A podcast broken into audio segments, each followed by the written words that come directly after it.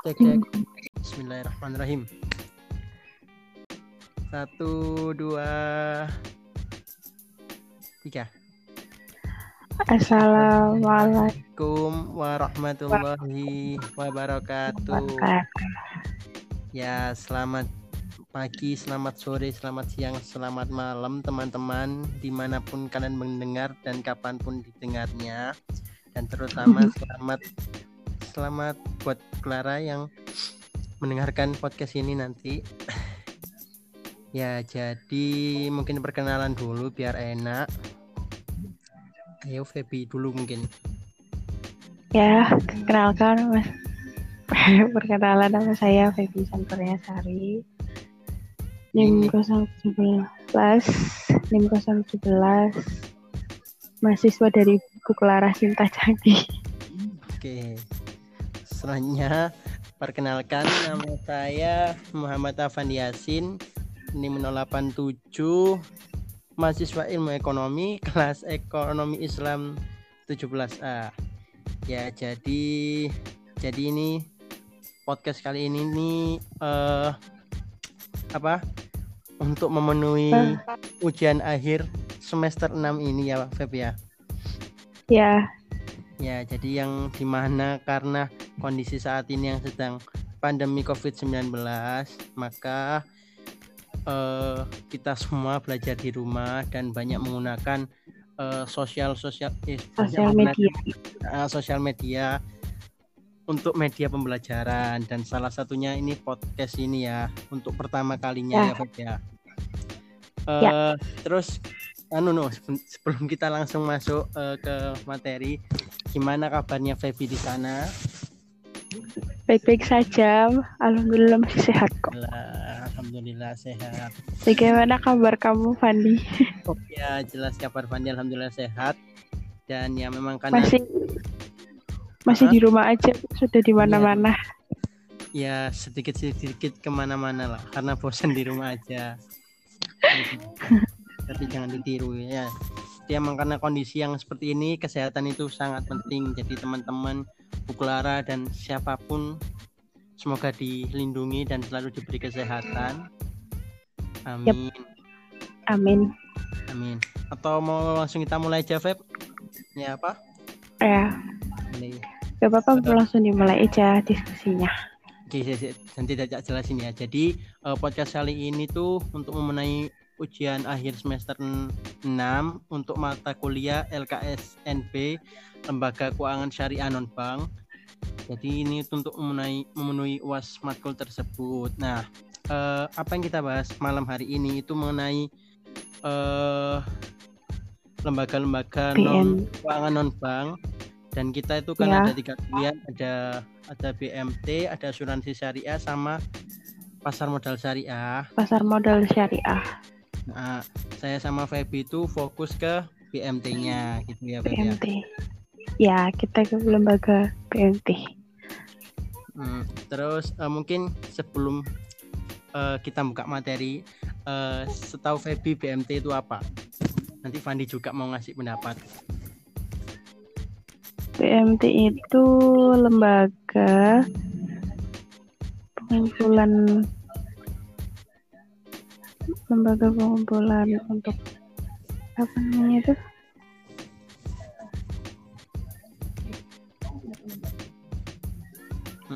Lembaga lembaga mikro lembaga yang kecil yang untuk apa tuh namanya yang beroperasi berdasarkan syariah.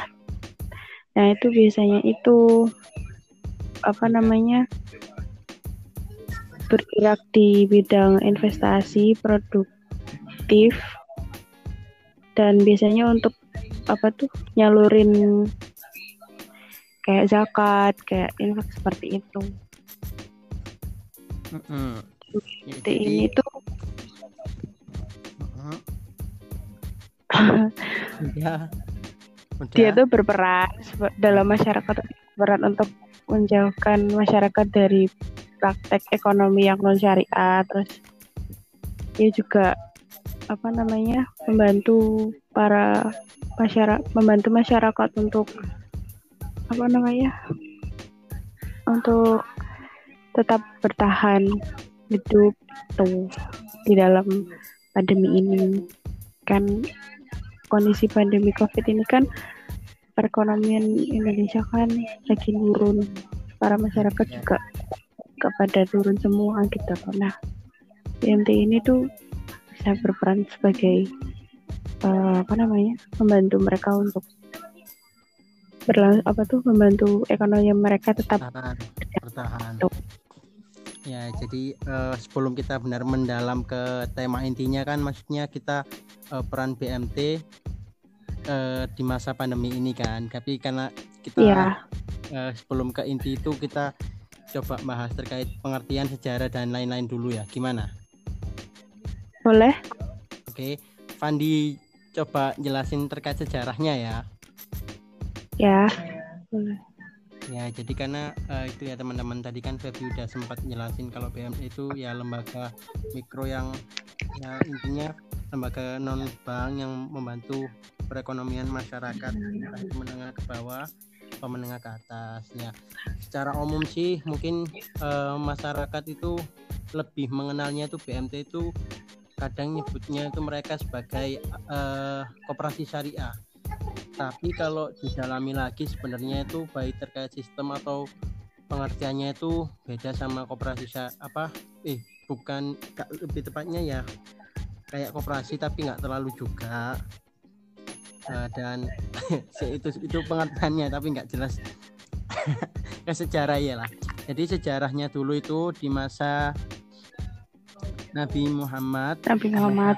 Uh, di masa Rasulullah itu uh, BMT ini lahir ketika setelah turun ayat Al-Anfal ayat 8 yaitu setelah setelah perang Badar di mana kan itu sehabis perang itu ada harta rampasan kan ya itu kan. Jadi setelah setelah perang Badar itu turun ayat yaitu Al-Anfal ayat 8 nah setelah turun ayat itu dalam ayat itu menjelaskan bahwa artinya begini Ketahuilah sesungguhnya apa saja yang kamu peroleh sebagai rampasan perang sesungguhnya seperlima untuk Allah, Rasul, kerabat Rasul dan anak yatim, orang-orang miskin dan ibnu sabil. Jika kamu beriman kepada Allah dan kepada apa yang kami turunkan kepada hamba kami di hari Furqan, yaitu di hari bertemuannya dua pasukan dan Allah Maha Kuasa atas segala sesuatu. Jadi itu tentang pembagian harta rampasannya. Nah, setelah turun ayat itu Rasulullah mendirikan Baitul Mal yang mengatur setiap harta benda kaum muslimin, baik itu harta yang keluar maupun yang masuk. Bahkan Nabi sendiri itu menyerahkan segala urusan keuangan negara kepada lembaga keuangan ini. Jadi lembaga ini itu didirikan untuk mengatur keuangan dan apa ya harta-harta masyarakat muslim ya baik dari harta rampasan atau dari pajak dan lain sebagainya. Gitu Feb. Ya jadi, aku uh, nyoba jelasin pengertian BMT ya. Nah itu ya boleh boleh boleh. Lebih lengkapnya nah BMT itu BMT itu kepanjangan jadi Baitul Mal Watamwil atau bisa disebut juga dengan koperasi syariah. Tapi berbeda dengan koperasi syariah. E, eh, BMT ini itu lembaga keuangan syariah yang berfungsi untuk menghimpun dan menyalurkan dana kepada anggota dan biasanya tuh hanya berkooperasi di skala dalam skala mikro aja. Dan dia tuh biasanya tuh nyalurin dana itu dana non profit kalau operasi syariah kan enggak itu dan ya kan dan dana non profitnya itu seperti zakat, infak, sama sodako gitu. Jadi terus jadi yang itu membedakan juga ya sama koperasi ya. Ya. Terus nah, oke lanjutin. Baitul tam Baitul Tamwil itu kalau menurut istilah itu buat apa tuh organisasi yang mengumpulkan dan menyalurkan dana komersial gitu. Nah, keberadaan seperti ini tuh hmm. dipandang apa tuh? Dipandang sama masyarakat tuh disamakan dengan koperasi syariah, tetapi tidak sama dengan koperasi syariah. Tuh. Hmm. Jadi emang apa masyarakat itu banyak yang menjelaskan bahwa oh BMT itu koperasi syariah padahal kan Iya. sebenarnya tuh BMT sama koperasi itu beda baik Iya. di sistem maupun pengertiannya cuma karena emang orang-orang belum mau mempelajari juga jadi ya banyak yang salah paham gitu kan Ya. Oke terus mungkin Feby mau jelasin apa lagi terkait BMT eh kita yuk. Saya jelasin itunya ya fungsi dari BMT sendiri itu oke oke. Fungsi ya. fungsinya itu silakan dimulai dulu. Mm, fungsi BMT itu yang pertama itu untuk mengembangkan potensi ekonomi ekonomi anggota.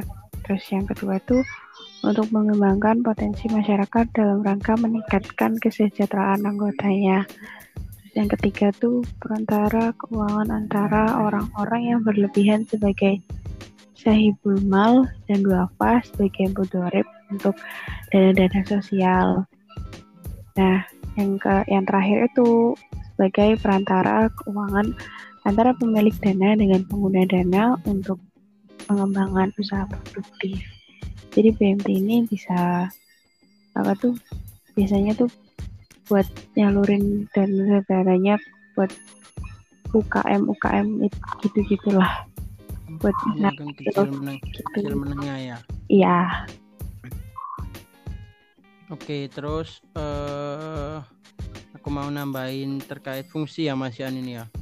ya fungsi. Fungsi, fungsi dan peranan BMT. Jadi ya, jadi ada beberapa fungsi di sini ya. Ini sambil buka materi. Pertama Ya. itu identifikasi, mobilisasi, atur dorong dan kembangkan potensi dan kemampuan potensi ekonomi anggota kelompok anggota muamalah dan wilayah kerjanya jadi yang kayak disebutin Febri tadi eh, bahwa emang di BMT sendiri juga mengoptimalkan eh, anggotanya sendiri ya untuk mengembangkan potensi baik apa potensi terutama potensi ekonomi ya terus yang kedua itu ada juga meningkatkan kualitas anggota sumber daya insani menjadi lebih profesional dan islami sehingga mereka lebih utuh dan tangguh dalam menghadapi persaingan global jadi mereka jadi anggota BMT di sini juga mungkin mendapat apa ya pelatihan-pelatihan mungkin Feb ya atau mungkin Iya. ya mereka diajari gimana eh, praktek-praktek ekonomi dalam ekonomi Islam sehingga mereka itu juga Iya. tahu dan mampu mengenalkan juga gitu dan yang ketiga di sini yang di, di, di web yang aku buka itu ada meningkatkan dan memobilisasi potensi masyarakat untuk meningkatkan kesejahteraan jadi yang mungkin itu ini terkait mungkin hubungannya sama UMKM seperti itu ya. Jadi iya eh, di BMT sendiri kan juga ada produk-produk ya. Mungkin ada produk pembiayaan atau produk yang lain-lain seperti itu untuk meningkatkan kesejahteraan juga. Terus yang terakhir di sini ini ada menjadi perantara keuangan antara sohibul mal dan duafa sebagai mudorib terutama untuk dana sosial seperti zakat infak, sedekah, dan dan lain-lain ya. Jadi Iya. ini yang disebutkan Febi tadi bahwa apa? hmm, juga ada produk yang berhubungan dengan eh, masyarakat secara sosial yang berkebutuhan khusus. Jadi kita juga bisa membantu dan BMT ini sebagai wadah dan sebagai penyalur, gitu kan ya. ya sebagai penyalur dana dan yang bantu apa untuk membantu masyarakat Masyarakat, yang iya. punya apa usaha UKM usaha kecil menengah Terus mau bahas apa lagi? Mungkin Febi Andi sambil ya pokoknya nyantai lah kita diskusi atau mungkin ada yang didiskusikan. Kalau Eh. kita kan lagi apa? Pada pandemi di keadaan pandemi kayak gini tuh BMT di seluruh Indonesia tuh sudah menurut Fandi tuh udah udah beroperasi dengan baik belum sih? Untuk membantu untuk membantu kesejahteraan masyarakat. Kalau oke, kalau menurut aku ya, menurut aku ya di masa pandemi eh, sebelum di masa pandemi aja ya pandanganku pandanganku sebelum di masa pandemi itu eh, sebenarnya BMT ini belum belum dioptimalkan oleh masyarakatnya sendiri. Jadi bukan BMT-nya yang op- yang belum optimal, tapi masyarakat yang belum mengoptimalkan adanya BMT BMT di sekitarnya gitu. Jadi emang kadang itu masih kurang apa ya peran BMT ini di masyarakat itu kurang merata dan kurang luas gitu loh jadi mungkin hanya sebagian golongan aja masyarakat yang udah menggunakannya dengan baik bisa mengoptimalkan. Itulah. Ditambah di masa pandemi ini mungkin uh, mereka apa ya BMT ini mungkin akhirnya lebih fokus untuk membantu masyarakat apa ya mas, membantu pemerintah lebih tepatnya kan ya untuk membantu perekonomian yang saat ini apa ya bilang kacau. Jadi mungkin mereka itu me, menyesuaikan diri dengan kondisi. Mungkin untuk saat ini kalau melihat di berita-berita mungkin ya mereka apa ya untuk di masa ini ya mereka udah apa ya udah optimal berusaha semaksimal mungkin ya dengan membantu apa ya membantu perekonomian agar masyarakat ini bertahan. Menurutku sih mungkin udah optimal sih. Kalau menurut Pevi apa aku ya ya itu sih agak bingung sih kalau kita sih uh, sendiri tuh masih kan jarang ada orang tahu kan tentang BMT itu. Jadi kalau menurut aku sih uh, operasional BMT pada masa pandemi seperti ini tuh masih belum apa masih belum beroperasi dengan baik sih. Masih banyak orang-orang yang terdampak dari pandemi itu masih apa namanya bingung gitu terus ada juga yang kehilangan pekerjaan. Tapi pemerintah sendiri kan udah ngasih kebijakan buat kasih yeah. bantuan kan. Nah kalau menurut aku BMT kita tuh masih belum beroperasi dengan baik sih untuk kesejahteraan masyarakat. Karena uh, masyarakat sendiri kan belum sadar belum mengerti paham banget tentang BMT itu seperti apa? Itu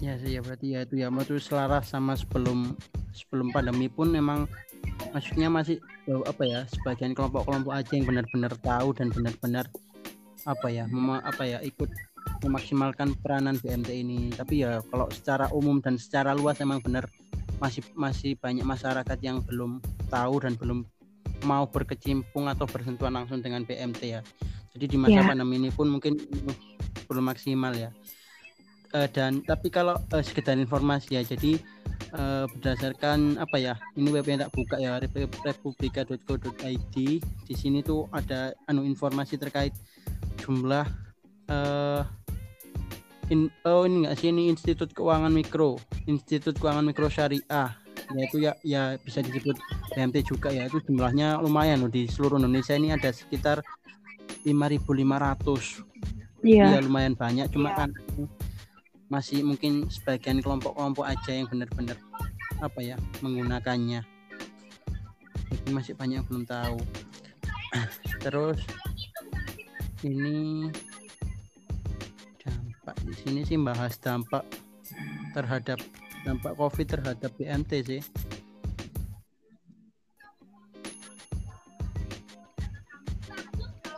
oh jadi ini aku mau baca ini nih ya mau bahas terkait uh, dampak COVID-19 uh, bagi BMT. Jadi uh, setelah adanya masa pandemi ini ya, jadi mau nggak mau lembaga kayak BMT ini juga ngerasain apa ya dalam masa-masa yang susah lah. Yang pertama itu adanya keringanan kredit.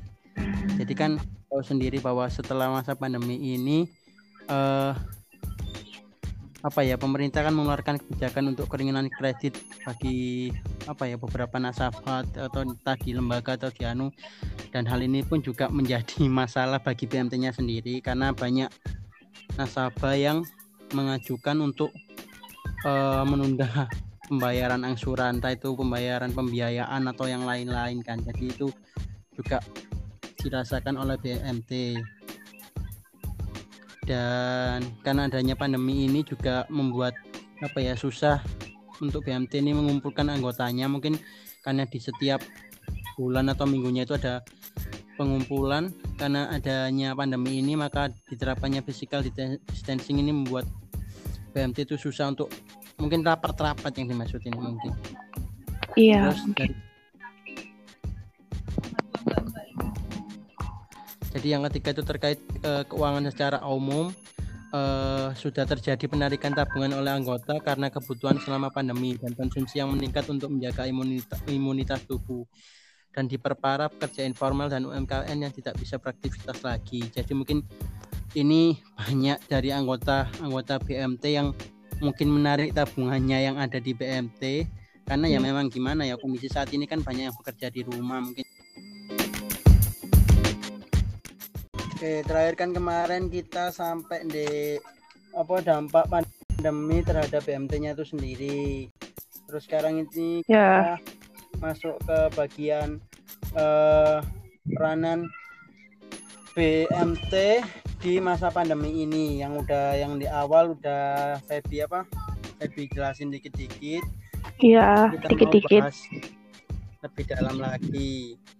Atau Febi mau nambahin dulu belum Fandi apa ya peran? peran ya peran BMT di masa pandemi? Kalau di masa pandemi itu BMT itu berperan sebagai apa ya mereka tuh masih apa tuh dana buat usaha-usaha kecil UKM gitu biar tuh. Soalnya kan sekarang kan nggak hanya dampaknya tuh nggak hanya di usaha kecil aja. Para pegawai pegawai perusahaan kan juga dirumahkan bahkan digilir. Ada yang di rumah selama seminggu ada juga yang di rumah selama dua minggu gitu. Jadi BMT berperan sebagai pemberi dana untuk mereka yang terdampak apa COVID-19 nggak hanya UMKM aja tapi pegawai pegawai pegawai juga ya gitu. Jadi mau Fandi mau nambahin sedikit ya. Ya jadi uh, iya.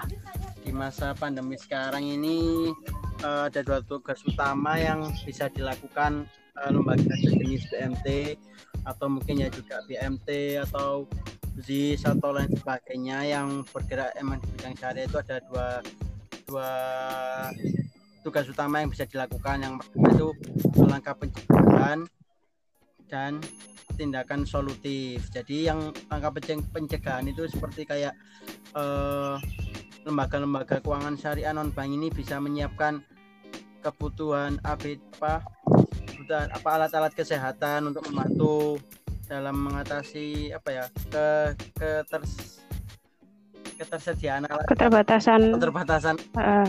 alat-alat medis itu jadi ada yang penyediaan alat-alat kesehatan terus mungkin selanjutnya kayak uh, membagikan membagikan masker ke masyarakat gitu. Terus ada tindakan lainnya itu ya peran, peran apa ya mungkin salah satunya yang diembat oleh BMT yaitu memberikan stimulus keuangan peluang pinjaman kebajikan atau perbahasan kelonggaran dalam akad kerjasama yang bisa membantu masyarakat menjalankan program itu. Jadi mungkin ya apa ya Oke, jadi ngelanjutin peranan BMT di di masa pandemi COVID-19 ini. Jadi kan karena dasarnya konsep BMT adalah uh, di baik berperan di sektor ekonomi juga diperperan di sektor sosial juga. Jadi ya perannya yang ekonomi itu yang tadi itu di mana dia nantinya bisa menjadi apa ya penyuntik dana bagi UMKM uh, eh, UMKM dan untuk sosialnya mungkin uh, dia itu bisa menjadi uh, media uh, uh, atau sebagai penyalur bantuan dari iya. masyarakat. Satu ke masyarakat lain yang membutuhkan baik itu bantuan uh, berupa peralatan medis seperti masker mungkin atau alat-alat uh, medis lain dan juga bisa mungkin uh, kebutuhan bahan-bahan pokok makanan, bahan makanan pokok bagi masyarakat yang membutuhkan. Jadi perannya di masa pandemi itu ada dua ya, baik di sektor ekonomi maupun di sektor sosial. Gitu. Jadi ya mungkin Febi mau nambahin.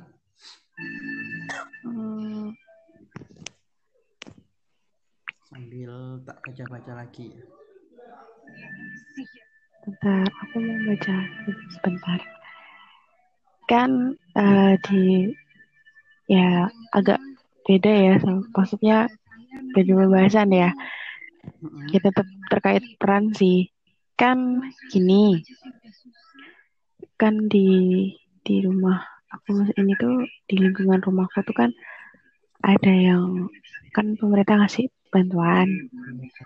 Dah BMT sendiri kan juga nyalurin dananya kan. Nah, BMT ini tahu kita tahu masyarakat yang membutuhkan membutuhkan itu dari dari data mana ya kalau boleh tahu? Terus kan ada sih dari apa tuh namanya aparat-aparat tingkat mikro kayak RT RW itu kan kadang kan mendata orang-orang itu kan kadang kan yang mampu dimasukkan yang tidak mampu yang mampu dimasukin terus dikasih dikasih bantuan dari BMT itu tadi itu BMT sendiri tuh bakalan tahu nggak sih? Atau ngelakuin sur bakal ngelakuin survei lagi nggak sih ke lingkungan itu? Nah. atau udah ya, kalau percaya sepenuhnya? Menurut ya, kalau menurutku dan mungkin setahuku dari sedikit membaca ya emang peran-peran lembaga uh, sejenis BMT terus uh, atau LAS dan lain sebagainya itu sekarang memang benar-benar fokus untuk berperan di membantu di bidang sosial ya seperti mungkin menyalurkan bahan-bahan pokok dan lain sebagainya. Dan uh, mungkin mereka itu untuk terkait bagaimana cara mendata dan mencari target yang tepat gitu ya. Maksudnya untuk bantuan yang tepat disalurkan ke siapa itu mungkin kalau lembaga itu larinya kebanyakan mungkin uh, dia pasti menggandeng pemerintah. Itu sih. Kalau nggak gitu juga mungkin tapi jelas yang pertama mereka pasti menggandeng pemerintah untuk menyalurkan bantuan. Dan yang kedua mungkin karena untuk BMT kan punya cabang-cabang juga di beberapa daerah. Nah mungkin juga bisa mereka tuh memfokuskan di mana cabang di daerah tersebut itu juga berkoordinasi dengan uh, lingkungan di sekitarnya atau di RT RW-nya atau di kelurahannya seperti itu sih. Jadi mungkin pasti selalu ada apa ya pendataan dulu dan survei dulu terkait untuk siapa bantuan yang disalurkan. Jadi kalau menurutku sih pasti apa diperbarui terus gitu loh. Okay terus di masa pandemi ini kan uh, ada juga kan peran-peran BMT itu di pemberdayaan masyarakat. Kayak ngasih pelatihan-pelatihan gitu kan. Nah itu di masa covid kayak gini dilakukan atau uh, udah berhenti gitu ya? Kan uh, ya, ngasih ya, ya, untuk tidak berkumpul gitu. Nah, lalu uh, pelatihannya lewat apa? Pemberdayaan. Gini, ya itu karena karena karena apa ya di masa pandemi ini kita masih fokusnya adalah untuk segera apa ya me, melawan virus COVID ini ya segera mengakhiri ini. Nah, maka itu emang kebanyakan lembaga-lembaga sekarang lebih fokus untuk di ya itu di bidang sosial dan kesehatan. Jadi mungkin itu pelatihannya tuh mereka sekarang itu lebih bukan bukan fokus ke ekonomi dulu tapi lebih kayak bagaimana uh, masyarakat ini dari masing-masing rumah itu bisa mandiri dalam apa ya menjaga kebutuhan pangan terutama. Jadi banyak apa ya kalau aku banyak baca di artikel-artikel apa ya berita-berita itu uh, banyak sih melatihan gimana kita bercocok tanam sendiri atau uh, apa ya apa merawat ikan maksudnya apa? Kayak merawat ikan di rumah terus bertanam buah-buahan atau sayur-sayuran sendiri. Jadi itu lebih banyak pelatihan seperti itu. Buat apa? Buat kita tuh biar tiap-tiap rumah itu bisa apa ya mandiri. Paling enggak kan bisa membantu juga di masa pandemi ini. Pelatihannya itu lebih seperti itu. Tapi menurutku pandanganku ke depan nanti ketika uh, masa-masa pandemi ini udah mulai membaik dan penyebaran corona ini udah mulai menurun maka mereka mungkin akan fokus lagi ke bidang uh, ke sektor ekonomi ya mungkin udah mulai uh, baik apa buka pelatihan pelatihan lagi gimana bisa membangun lagi uh, usaha-usaha yang tadinya meredup terus mungkin pelatihan-pelatihan apa ya juga pemberian penyuntikan suntikan suntikan dana yeah. untuk modal uh, dan mungkin mungkin uh, tetap ya mungkin uh, kalau lihat dari mungkin pamflet yang disebar teman-teman ya di masa pandemi ini tetap ada yang melakukan pelatihan-pelatihan yeah. via online emang karena emang nggak boleh berkumpul, kan itu jadi dapat jadi bisa disimpulin kalau uh, eh, BMT sekarang itu masih berperan dalam sektor sosial ya. Iya, lebih fokusnya, lebih tepatnya hmm. perannya tuh banyak ke bidang sosial gunanya tuh guna membantu pemerintah untuk mengatasi virus corona ini. Gitu sih, Mas. Oke, gitu. Tau mau nambahin? Uh, enggak sih uh, mungkin apa apa udah ya maksudnya ya itu sih kesimpulannya peran uh, BMT ya masih sangat berperan di masa pandemi ini baik di sektor ekonomi nantinya ketika pandemi ini mulai membaik atau penyebaran mulai menurun. Ya. dan memang sekarang perannya lebih fokus ke sosial. guna menghadapi masa-masa sulit ini baik itu entah menyalurkan bantuan berupa bantuan Eh, alat-alat medis atau kesehatan atau kebutuhan pangan dari masyarakat yang mampu ke masyarakat yang mungkin mengkhawatirkan sekarang atau yang benar-benar membutuhkan. Jadi perannya lebih banyak di sektor itu sih, menurutku. Untuk peran di sek peran di sektor-sektor selain dua itu mungkin ada. Ya belum ada, masih fokus ke itu mungkin. Uh, sekian podcast dari saya Fandi dan teman saya Febi Isan Korea Sari. Eh, mungkin kurang lebihnya mohon maaf baik itu atau mungkin ada kesalahan dalam penyampaian itu entah data atau materi. Ya kurang lebihnya minta maaf karena kita juga sama-sama belajar dan saling yeah. wawasan gitu ya Febi ya. Iya. Ya, monggo ditutup. Sekian. Ya dari kami. Yuk, Assalamualaikum warahmatullahi wabarakatuh.